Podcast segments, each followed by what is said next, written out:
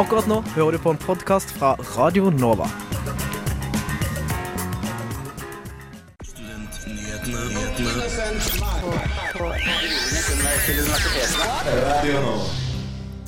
Hei, hei, og velkommen til Studentnyhetene her på Radio Nova. I studio har du meg, Selma Hellstrand, og med meg har jeg Julie Wiberg Bø. Dette er sendingens temaer i dag. Vi programledere blir igjen utfordret med en studentquiz. Det går mot lysere tider for Chateauneuf. Vi tester maten på, Fredri på Fredrikke spiseri. Vi skal snakke om obligatorisk utveksling på høyere nivå. Og hvordan ser fremtiden ut for et, et nytt studentkulturhus i Oslo? Men først skal vi ha ukas nyhetsoppdatering.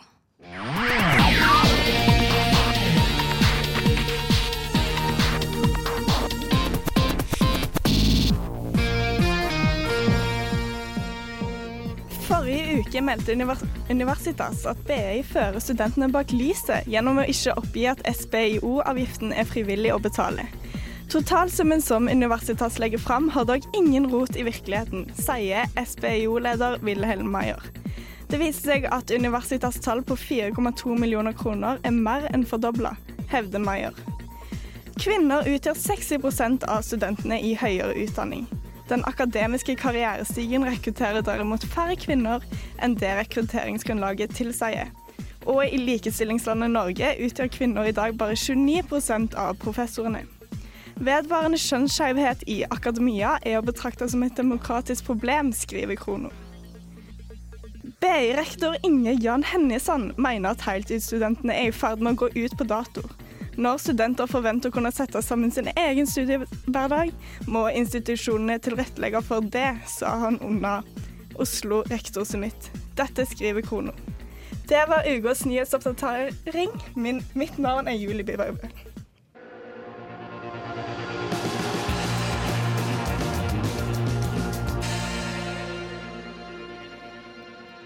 Der hørte du låta 'Tau' av Holy Ship. Nå skal vi kjøre en liten quizrunde her i studio, og quizmaster er vår nyhetsredaktør Martin Mathiassen Øding. Hallo. Hei, hei. Da sitter jeg her igjen, klare til å utfordre mine flotte journalister og tekniker. Eh, de som skal være med denne gangen, er jo da Julie, Selma, og vi får med tekniker Celine denne gangen. Hei, hei. Hei. Ja. Uh, reglene er veldig enkle. Jeg stiller et spørsmål. Hvis du vet svaret, så sier du navnet ditt. Så hvis Selma skulle svart, så Selma, og så svaret. Mm -hmm. Og da er det bare å kjøre på. Hva heter lederen for studentparlamentet ved UiO? Celine. Ja. Susann Andorra Biseth Mikkelsen. Helt riktig. Poeng til Celine. Hva heter rektoren for UiO? Å, oh, Selma. Eh, Svein uh, Svein Nei, jeg husker ikke. Celine. Ja. Svein Stølen. Helt riktig. To poeng til Celine. Hva står NSO for? Celine. Ja. Norsk studentorganisasjon. Tre poeng til Celine. Hva heter rektoren for Oslo OsloMet? Det er Julie. Det var Julie. Um, Kurt Rice. Poeng til Julie. Yes. Hvor mange fakulteter har vi ved UiO? Det var det spørsmålet siste. Uh, Selma? Ja. Uh, ni. Åtte. Hva er svaret? Åtte. Åtte er riktig poeng til Selma. Hva står DNS for? Selma. Ja. Det norske studentsamfunn. Jeg aksepterer det. Det er egentlig Det norske studentersamfunn. Men ja. uh, to poeng til Selma. Hva, og siste spørsmål. Hva står hvete for? Celine. Ja. Velferdstinget. Poeng til Celine. Da er Celine vinneren med fire poeng. Ja, To poeng til Selma og ett poeng til Julie. Ja, det er ikke verst. Nei. Nei, det var greit. Etter flere år med underskudd og dårlig drift går Chateau Neuf endelig med overskudd. Med oss i studio har vi salgssjef ved Chateau Neuf, André Titland. Velkommen. Hei, hei. Chateau Neuf har vært gjennom flere turbulente år. To rettssaker, mistillitsforslag, kontroversielle styrehonorar, og så sent som i 2014 så var Nøff truet av konkurs. Nå ser det ut som at det går til lysere tider, men hvor ille har det egentlig stått til? Altså Det har jo ikke vært veldig bra. Nå er det veldig viktig å skille mellom hva som er på en måte Altså Chateau Neuf er på en måte to selskaper. Det er Det Norske Studentersamfunn, som, som på en måte er en medlemsorganisasjon eid av studentene, og som da heleier et datterselskap som heter Chateau Neuf AS. Eh, som driver på en måte med alt det som har med skjenk å gjøre, og utleier og de tingene der. Og så frem så har det jo vært eh, Det har jo har ikke vært veldig hyggelig. er det. Hvis man, eh, hvis man leser f.eks. Universitas sitt arkiv og søker på Chateau Neuf, så er det jo ikke bare gladnyheter. Det er jo eh, ikke å komme over. Men eh, det, det har stabilisert seg, heldigvis. Og så har vi kommet tilbake til den grunnleggende modellen som egentlig skulle være, og det er at Chateau Neuf skal tjene penger, sånn at DNS kan bruke penger. Nå føler vi at vi nærmer oss tilbake enn det, i hvert fall. Det er jo ikke bare økonomien som har vært turbulent på Nøff. Eh, er, det- er det et roligere og mer profesjonelt styre nå? Det er jo veldig vanskelig å sitte på innsiden av det og så si sånn ja, det er det. Men uh, jeg føler i hvert fall for min del Nå har jo jeg bare vært her uh, i, siden 2016, men jeg føler på en måte at det er et godt arbeidsforhold mellom Chateau Neuf og Det Norske Studentersamfunn, eller Chateau Neuf AS og Det Norske Studentersamfunn. Og vi har vært veldig bevisste når vi ansetter folk, annet, at vi ser også at det er folk som, som har, kommer utenfra, har et litt friskt perspektiv. Det er veldig lett for at når man er en organisasjon som eh, som har gjort det samme veldig mange år, at man lett på en måte bare gjentar det man har gjort for man alltid har gjort det. Så vi har vært veldig observant på å prøve å få inn litt perspektiv utenfra, sånn at de kan se litt sånn OK, hva er det dere holder på med her? Og så er vi sånn Vi har alltid gjort det! Og så på en måte prøve å få litt eh, nytt perspektiv på det. Ja, for nå går jo økonomien bedre. Og Kan du fortelle litt om hvilke tiltak som blir gjort for å snu den negative økonomien? Eh, Det er ikke å komme unna at det ble noen stillinger som ble kuttet. Det er ganske dyrt å ansette folk. Så har vi gått ganske systematisk til verks med hvordan vi på en måte forholder oss til eh, utleiekunder, som er på en måte en av de viktigste tingene for økonomien vår. eh, Om ikke det aller viktigste. Og at vi er vi jobber veldig hardt for å fremstå ryddig og profesjonelt. At på en måte hele prosessen fra kunder kommer inn til de kommer ut, så følges de på en måte av én person, ikke av tre forskjellige personer. At vi har strukturert kontraktene våre annerledes. At vi på en måte har en bedre forståelse av hvordan markedet er ute i resten av Oslo på utleiemarkedet. Sånn at vi på en måte prøver å ligge oss der som alle andre ligger, eh, og ikke bare være litt eh, på plass. Og så tror jeg også at det er eh, god stemning på huset gjør at folk blir på huset og drikker mer øl på huset. Jeg vet ikke om jeg har lov å si det, men det er hyggelig, for da blir det mer penger i kassa. Eh, hvordan ser fremtiden ut for Nøff nå, nå som dere endelig har noenlunde stabil økonomi? Den ser jo forhåpentligvis ganske lys ut. Eh, målet er jo selvfølgelig å holde det stabilt. Eh, og så er jo selvfølgelig alltid det eh, Det er jo lett å sitte her og tenke at nå er det gull og grønne skoger. Vi må fortsatt være forsiktige med de pengene vi får eh, inn, og vi må tenke liksom hva vi bruker penger på. Mye av det vi har brukt penger på nå, det er jo på en måte å reinvestere i, i selve Chateau Neuf. Vi har brukt mye penger på møbler og på bare få, prøve å få det liksom til et estetisk nivå, eh, som på en måte er et minimum, og fortsatt å gjøre det for å fortsatt kunne på en måte tjene penger på å leie ut. For vi, hvis ikke vi på en måte følger en utvikling hvor, hvor huset ser bra ut, da, så er det veldig vanskelig å be om mye penger for å være her, og det kan bli en negativ, negativ spiral. Men håpet er å ha en så stabil økonomi som mulig, og at den stabile økonomien som Chateau Neuf AS eh, kan bidra med, kan gjøre at det er mer forutsigbart og enklere for det norske studentersamfunnet å holde på med de, de tingene de har lyst til å gjøre. Vil det bli flere studentaktiviteter på huset? Det er opp til det norske studentsamfunn. Men eh, for Chateauneuf AS, som sagt, som jeg jobber for, så eh, er det alle våre intensjoner å gjøre det så enkelt som mulig for studentene å arrangere ting selv. Men eh, hvordan er egentlig forholdet mellom studentforeningene og Nøff? Eh, hvis du mener Studentersamfunnet og Nøff eh, Ja. og, og Chateauneuf AS. Eh, jeg vil si det er bedre enn det har vært Jeg vet ikke hvordan det var i gamle dager, men det er veldig bra nå, i hvert fall. Ja, det var egentlig det vi rakk for nå. Takk til Andrea Titland, salgssjef ved, Chat eh, ved Chateau Lykke til videre med driften. Takk, takk. Tusen takk. Nå skal vi høre Slay, Slay Queen med Malgirl her på Radio Nova. Nå skal du få høre andre del av vår nye spalte, hvor vi tester ut ulike studentkantiner. Vi står nå utenfor Fredrikke spiseri her på Fredrikkeplassen. Hva skal vi, Louise? Vi skal teste maten. Jeg skal spise. Og nå står vi midt i området som er da Fredrikkes spiseri. Og hva er det vi ser? Det er eh, veldig fine lamper. Det er et stort område med sånn sjakkgulv og de klassiske syverstolene til Georg Jensen. Det er varmt her. Er sånn deilig. Jeg får lyst til å ta av meg jakka. Får du lyst til å spise òg, kanskje? Ja, veldig lyst til å spise. Og her er det da varmretter på venstre side. Det Kjøkkenet ser veldig nytt ut. Det er liksom svarte fliser og Det er egentlig veldig fresht. Er det da noen skjermer hvor det står dagens pasta, er pasta pesto.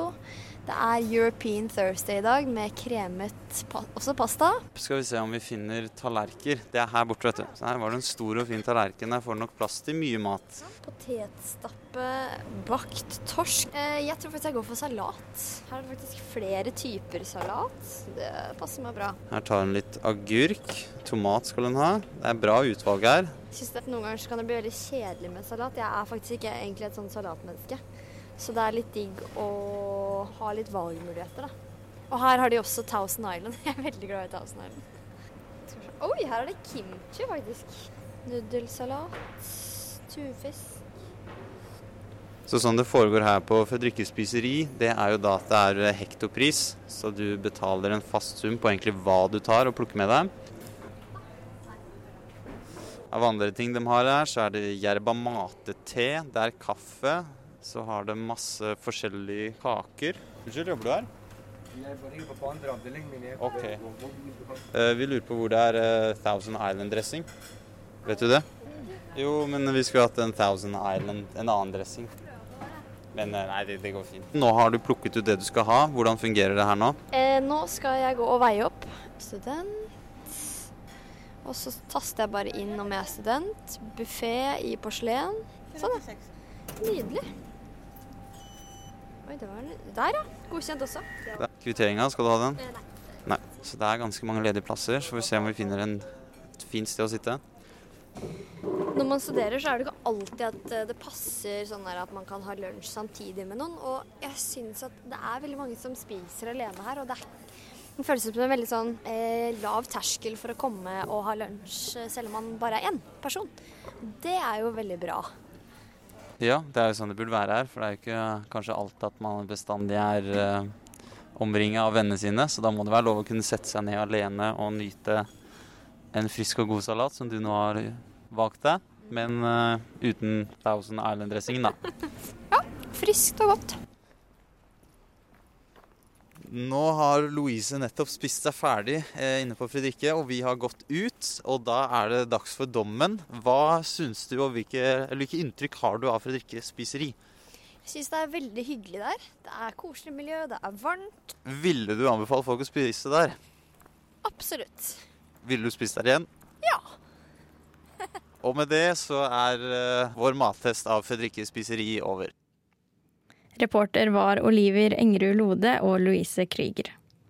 Nå skal du få høre Amalie Holt Kleive med låta 'Nær deg'. Dagen gir seg hen til natten. Vi skal snakke om obligatorisk utveksling, og med oss i studio har vi Jone Trovåg, som er internasjonalt ansvarlig i NSO. Velkommen. Tusen takk. For NSO vedtok den 3. september i år en resolusjon om en såkalt opt-out-utveksling. Denne formen skal gjøre at utveksling ligger obligatorisk i alle studieprogram. Dersom man ikke vil dra, må man melde seg, melde seg av istedenfor å melde seg på, slik som systemet funker i dag. Hva er galt med ordningen slik den var? Ja, altså Slik utveksling fungerer i dag, så får vi ganske mange tilbakemeldinger på at det er veldig mye jobb for den enkelte student. Eh, Man må finne ut hvor man skal dra, finne ut hvilke fag man kan få godkjent. eh, Og så må man ordne veldig mye av det, utvekslingen sjøl. Og per i dag så er det altfor mye jobb og ansvar som legges på studenten. Og Derfor tenker vi at et system der man regner med at alle skal ut, vil gjøre dette enklere og vil føre til bedre systemer.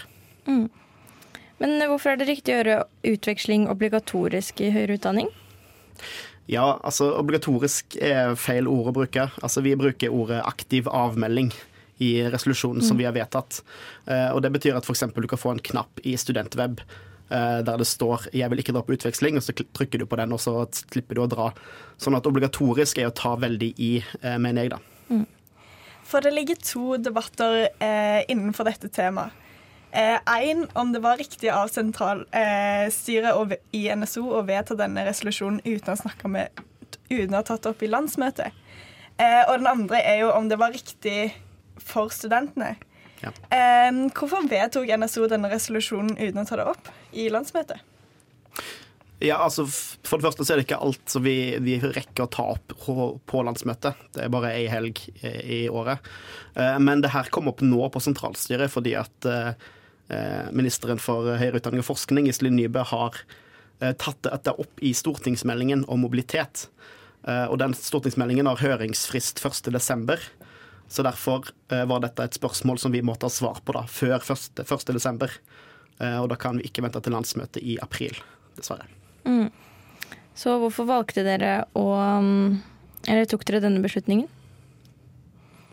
Eh, Hvorfor vi er for? Mm. Eh, Nei, altså vi mener jo at institusjonene i mye større grad må ta ansvar for utvekslingen. Som jeg nevnte innledningsvis, så er veldig mye opp til studentene i dag. Eh, De må få på plass bedre avtaler. Eh, Det må være såpass enkelt eh, at du slipper å, bruke, legge ned masse tid i dette sjøl. Institusjonen din må ha ferdige avtaler med et par universiteter som du bare kan plukke ut. Men er dette en ordning som passer for alle? Si at eh, er alle studenter i samme eh, situasjon til å kunne forflytte seg? Si noen studenter har barn, f.eks. Nei, altså det er klart det er mange som ikke kan eh, dra på utveksling. Eh, for eksempel de som har barn, så er det veldig vanskelig. Og Det er jo ikke sånn at vi skal tvinge noen ut, vi skal gjøre det enklere for alle å dra ut. Og, og det her med aktiv avmelding er et verktøy for å legge press på institusjonen, ikke for å legge eh, et eh, eh, ikke for å legge et større eh, press på studenten, selv om vi også vil at flere studenter skal ville dra ut. Hmm. Det var det vi rakk i dag. Takk for at du kunne komme i studio, studio Jone Trovåg, internasjonalt ansvarlig i NSO. Tusen takk. Nå skal du få høre 'Marry Me' av Farao.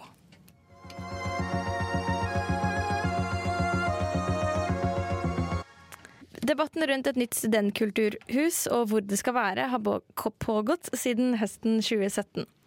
I går hadde Velferdstinget et ekstraordinært møte, og der var vi og fikk intervju med leder Maja Sol Sørgaard før møtet startet. I dag så skal vi ha et ekstraordinært velferdstingesmøte hvor vi skal ta opp eh, hovedsakelig studenthus. Jeg tror det velferdstinget ønsker, em, det er å få en bedre demokratisk prosess eh, underveis. Og få em, mer, mer demokratisk hold, få lov til å vedta mer prosessen videre i det. For det har gjort et godt arbeid, gjort et grundig arbeid, og det har blitt orientert om.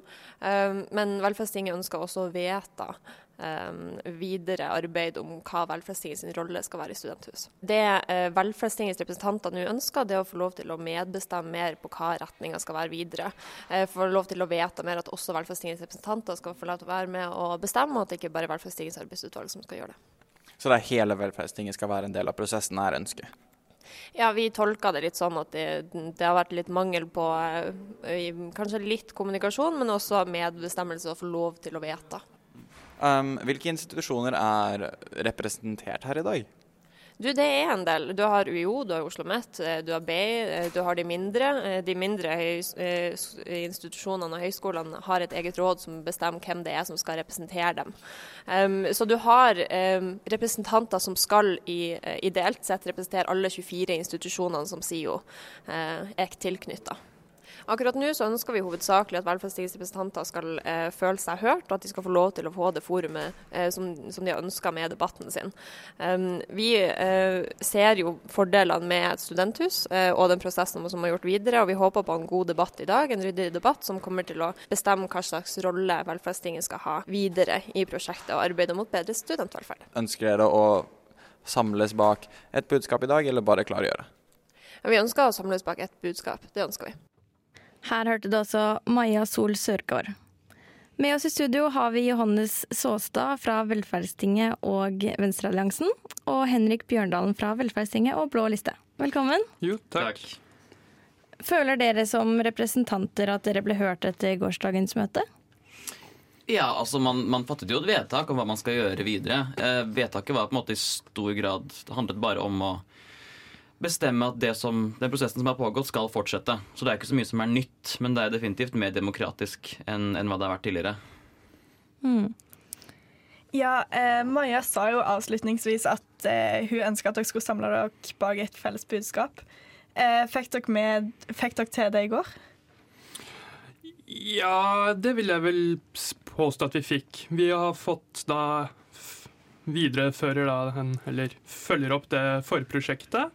Samtidig så vedtok vi vel også at man skulle utrede alternativer til eh, St. Olavs gate 32. Ja. For eh, hvorfor ble St. Olavs gate 32 det sentrale fokuset for dette prosjektet? Nei, Det er på en måte, altså Med den prosessen som har gått, så har man Man begynte vel, så vidt jeg har skjønt, med å bare se på aktuelle bygg, og så falt man ned på St. Olavs gate 32 som et av de bedre alternativene. Og så startet man et forprosjekt med det bygget. Eh, Så det har på en måte bare vært den naturlige saksgangen, tror jeg. At man så på alternativer, og så kom man fram til at Eller de som så på det, kom fram til at det er, eh, det er en av de bedre alternativene. Så virker det også som man også har lent seg litt på det at det eh, Chateau Neuf og DNS gjorde før det arbeidet, når de da skulle f se på alternativer hvis man skulle flytte vekk fra Chateau Neuf. da. Ja, det er jo veldig mye penger som skal til. 450 millioner kroner skal til for å restaurere dette bygget og gjøre det studenthusverdig. Er det verdt det? Ja, det kommer jo litt an på. eh, hva- er det vi egentlig vil ha i det bygget? Eh, min oppfatning av St. Olavs gate 32 er jo at det passer ikke helt til å være et studenthus. Men hvis man skulle hatt det man da også har snakket opp, en foreningshus der foreninger ikke kunne Eller det er foreninger som ikke har fast plass eller et sted å være, så kunne man da Så er det en bedre alternativ enn mye annet, da. Mm. Hva tenker du, Johannes? Jeg tenker at altså, Et studenthus det kan på en måte være så mangt. og Litt av problemet som har vært med prosessen, er at man har kanskje begynt å se på alternativer før man har helt tenkt gjennom hva de alternativene skal være for. Hva er det man ønsker å ha inn?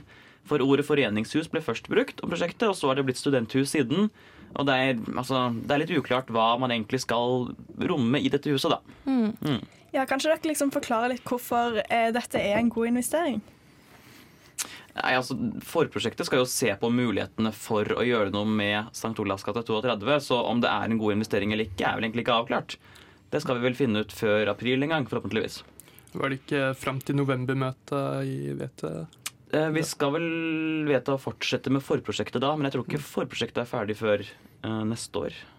Tror jeg. Eh, jeg kan ta feil. Mm. Fordi hvis man f.eks. skulle brukt Chateau da, hvor mye kunne 450 millioner kroner, altså hvor mye kunne man gjort med Chateau da? Nei, altså Det er jo DNS og sin holdning at man kunne gjort veldig mye bra her for veldig mye mindre penger. Jeg tror jeg det ble sagt på møtet i går at de har bedt om fem millioner eller noe sånt som et startbeløp, og man kan jo gi dem mye mer enn det og likevel være langt under. Men dette er jo ikke penger som man har på konto. Dette er jo penger som man på en måte må eh, få fra investorer og, og aktører. Så man kan ikke tenke at man har en pott nå og kan bruke den på hva man vil.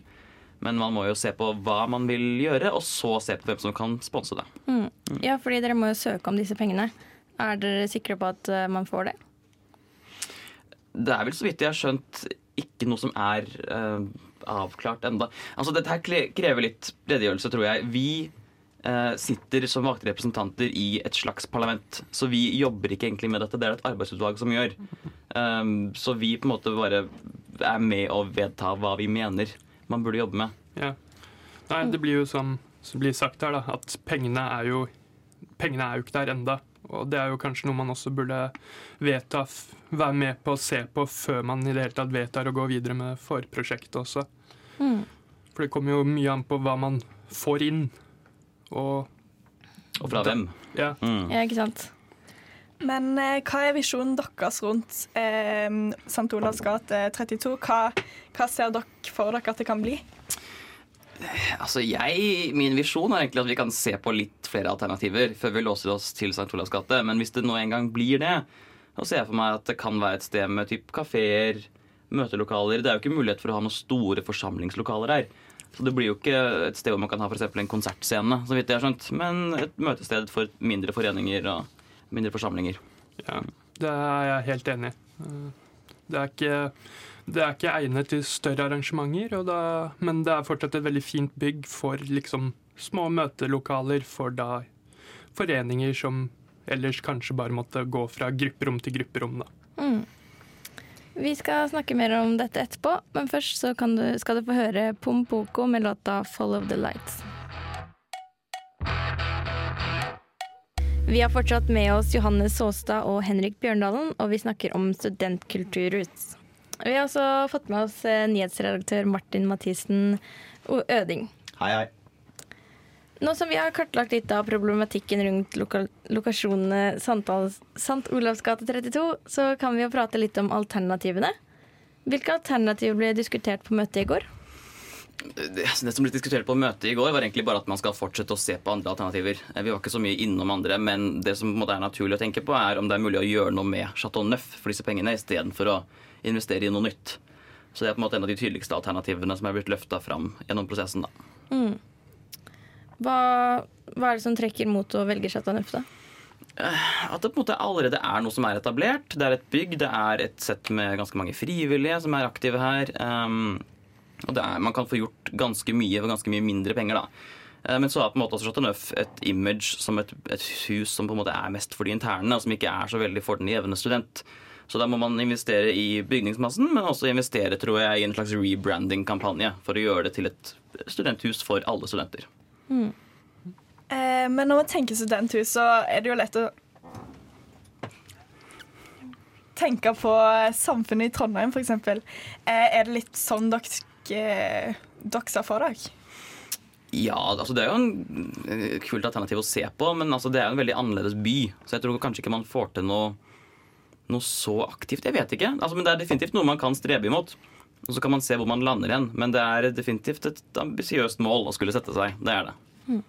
Martin, du hadde et spørsmål? Jeg har et spørsmål, for dere er jo, sitter jo i Velferdstinget begge to. Men samtidig så representerer dere jo deres respektive lister. Da har vi Henrik da fra Blåliste og Johannes fra Venstrealliansen. Eh, Så spørsmål til begge hvor ut ifra listene deres, da, og ikke så veldig ut ifra Velferdstingets perspektiv. Hvordan eh, stiller listene deres seg til dette arbeidet som holder på, alle pengene som står på spill? Er, det, er dette nødvendig i det hele tatt? Vel, altså Vi har jo diskutert litt i lista vår, og St. Olavs gate er et veldig fint bygg. Det er det, men uh, samtidig så er det jo sånn som det har blitt sagt her. Du har veldig mye på plass allerede på Chateau Neuf. Du har da frivillig gruppe som du må eventuelt måtte bygge opp på, i St. Olavs gate 32. Eh, Noe som jeg tror kommer til å bli veldig vanskelig, fordi eh, det er vanskelig å finne frivillig for studentforeninger som driver f.eks. bardrift. da. Og så har jo Chateau Neuf en veldig gammel historie, da, som også er en del av skjermen med Chateau Neuf og DNS. Og den blir vanskelig å skape noe nytt i dag, tenker jeg da. Mm. Hva med deg, Johannes? Eh, altså, det er for studentparlamentet ved UiO sin politikk og at man ønsker å, å pusse opp Chateau Neuf og gjøre det til et, et finere sted, men at man ikke nødvendigvis er skeptisk til et studenthus et annet sted. Eh, så, altså, grunnen til at mange kanskje er skeptiske til studenthus, er at de er redd det vil gå på bekostning av Chateau Neuf, og det ønsker man ikke fra UiO sin side. Eh, så Det er der studentparlamentet står, og jeg tror det er også der vi i Venstrealliansen eh, står. Mm. Når det kommer et nytt studenthus, så kan det også oppstå litt konkurranse. Mm. Og det blir sagt at dette kan være positivt. Um, hvorfor det? Nei, altså Konkurranse har jo en tendens til å løfte fram Altså, hvis to parter konkurrerer, så må man nødvendigvis på en måte prestere bedre for å kjempe om de, om de kundene man har. Eh, Det negative er at man på en måte risikerer å, å splitte studentmassen litt. Og at man også risikerer at man sitter med to hus som er, ses på som å være mest for interne, sånn som Chateau Neuf er i dag. Mm. Hva med deg, Henrik? Altså, jeg tenker mye av det samme også. Og så er det litt den uh, at Men samtidig så er det litt den der at konkurranse også da pusher Vil også pushe Chateau Neuf litt, da. På liksom Ja, sånn som blir etterlyst her. Rebrande seg kanskje litt, og ikke bare bli huset for de interne, men også huset for de alle. Mm. Uh, så sånn sett så ser ikke jeg at konkurranse er så negativt, da. Eh, Oslo er jo en veldig splitta studentby, kan man si. Eh, er dette et forsøk på å samle eller appellere til studenter eh, som er mindre aktive i foreningsmiljøer? Så jeg vil jo si at lokasjonen er jo veldig bra, sånn at uh, fordi det er sentrum, så det er veldig nært f.eks. Høgskolen Kristiania, Oslo Met uh, og andre institusjoner da, som kanskje føler at uh, Chateau Neuf blir for langt unna. Og, men ja. Men er det viktig å aktivisere studenter? Eh, burde ikke de kunne ta initiativ sjøl? Jo, men eh, De, må jo, de skal jo selvfølgelig gjøre det, men eh, vi som i VT og vi som studentpolitikere burde jo også være flinke til å tilrettelegge for dem. da. Sånn at de faktisk har steder å møte, har steder de kan ha foreningene sine og samlingspunkter. da. Hva tenker du, Johannes? Jeg tenker at dette her ses jo litt i sammenheng med SHoT-undersøkelsen, som viser at ganske mange er ensomme blant studentene, og ganske mange er rett og slett altså, deppa, lei seg. Og hvis du er depressiv og er ensom, så den terskelen for å gå til et sted som kanskje oppfattes som internt, er veldig høy. Så på en måte for å hjelpe de, så burde man lage et tilbud som er så lavterskel som mulig. Og det er det man nok tenker at et nytt studenthus skal være. Mm. Men hvorfor tror dere at akkurat dette studenthuset kommer til å lykkes? Nei, det må man på en måte bare gå inn for og jobbe for at det skal gjøre, eh, og så ta det derfra. Eh, Men som sagt, jeg er ikke nødvendigvis superpositiv til det studenthuset. Jeg syns man skal se mer på muligheter. Hvis vi da snakker om et i sentrum, vil jeg merke. Mm. Martin, du hadde et spørsmål? Ja, eh, Det ble jo nevnt at eh, Oslo ses jo av og til på, på som, som en splittet studentby i forhold til ja, Trondheim, da, som er en veldig sånn studentbyen. Når vi lager et nytt studenthus, da, når vi allerede har, har et, som vi sitter her oppe i fjerde etasje i, eh, vil ikke det kanskje være med på å splitte Oslo enda mer? Hvis det, er, hvis det blir litt sånn Skal vi dra til Chateau Neuf? Nei, la oss heller dra til St. Olavs gate 32, og så ender man opp noen, noen ender opp der, og noen ender opp der, istedenfor å ha et felles samlingssted, da, sånn som f.eks. Studentsamfunnet i Trondheim. Vil ikke det være med på å skape en større splittelse når vi lager masse forskjellige alternativer hvor studentene kan gå? Det kan du si, men hvis du tenker at du skal ha et hus som, som skal være noe man kan liksom benytte på dagtid, og ha som et foreningshus og sånt, så må det uh, ideelt sett være i nærheten av utdanningsinstitusjonene. Og det er ikke mulig å ha ett bygg som er i nærheten av alle utdanningsinstitusjonene. Så på den måten, altså, der ser jeg på en måte fordelen ved å ha flere alternativer, da. Jeg gjør det. Mm. Hva tenker du, Henrik? Ja, Du har jo allerede flere alternativer i dag. Eh, Både Oslo Met og Blindern har jo studentpuber som er samlingspunkter lokalt for da stu studenter på de forskjellige institusjonene. Og eh, det blir vanskelig å si det, da, men jeg ser ikke kanskje problemet med Jeg kan kanskje se problemet med ett til, da, fordi du har kanskje et metningspunkt som allerede er nådd, på en måte. da. Men samtidig så er det jo noe vi ikke helt vet, da. Eh, folk frykter jo at de kan miste Chateau Neuf. Eh, hvordan kan dette unngås? Altså må, må på en måte klargjøre med Nå er det jo UiO som på en måte eier bygningsmassen på Chateau Neuf. eh, Så jeg tror det noen er redd for, er at UiO skal se at man får et nytt studenthus, og så skal de, de tenke ja, men da har de jo det, da kan de være fornøyd, og så selger man Chateau Neuf eller noe sånt. Jeg tror det er bekymringen. At, man, at de som på en måte sitter med pengene og sitter med makta, ikke ser behovet av to. Sånn at når vi da får et nytt, så vil de se på muligheten til å legge ned det gamle. Mm. Martin? Jo, eh, det ble jo nevnt at uh, dette skal være et foreningshus, da. Men samtidig så nevner vi at det tilbudet vi har i Oslo i dag, er for internt. Men blir det ikke det samme hvis det blir et foreningshus? Blir ikke det også en, en intern greie, da? Jo, og da, altså, litt tilbake til det jeg tror jeg sa innledningsvis, om at man har satt i gang denne prosessen eh, for å se på alternativer uten å helt vite hva det skal være alternativ for. Eh, og det er jo det jeg var litt kritisk til på møtet i går, er at det har vært litt sånn hui og hei, fullt kjør i denne prosessen uten at man helt har sett på hva man egentlig eh, hvilket behov det er man ønsker å mette, da, for å si det sånn. Så det har jeg vært litt kritisk til. Ja, og det, det er noe jeg deler også, at man bare har kjørt på uten kanskje å tenke seg sånn ordentlig hva er det vi faktisk vil med dette bygget. Og så ender man opp med en prosess der de som skal lage forprosjektet, da, de, bare, de vet ikke helt hva de skal se etter. Og så prøver man å favne da så bredt som mulig, da, og så faller man på et bygg som kanskje ikke er egnet. da. Mm. Hva slags forventninger har studentene? Hva slags forventninger de har Det er i hvert fall tydelig altså, i hvert fall Med den debatten som har gått i Universitas, så virker det at som man er veldig uenig om hvilket bygg man skal ha. Det tror jeg. Men jeg tror mange studenter i Oslo kommer til Oslo som nye studenter og opplever at her er det ikke noe samlingspunkt. Jeg tror veldig mange tenker på nettopp Trondheim som et ideale. Så jeg tror kanskje det er den forventningen folk har når man blir student i Oslo, og så, og så oppfylles ikke den forventningen. Mm. Det var dessverre det vi rakk i dag. Men eh, takk for at dere kunne komme, Johannes Sårstad og Henrik Bjørndal. Mange takk. Nå skal vi få høre Blomst med låta 'Oss som bare drar'.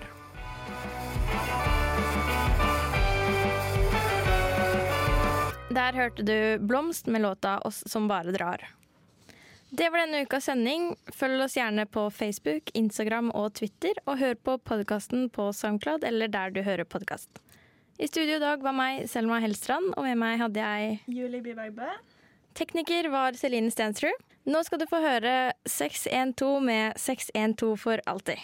God helg! Det som er fett, er at alle andre drømmer om livet som søsteren har. Du har hørt en podkast fra Radio Nova. Likte du det du hørte? Du finner flere podkaster i iTunes og på våre hjemmesider radionova.no.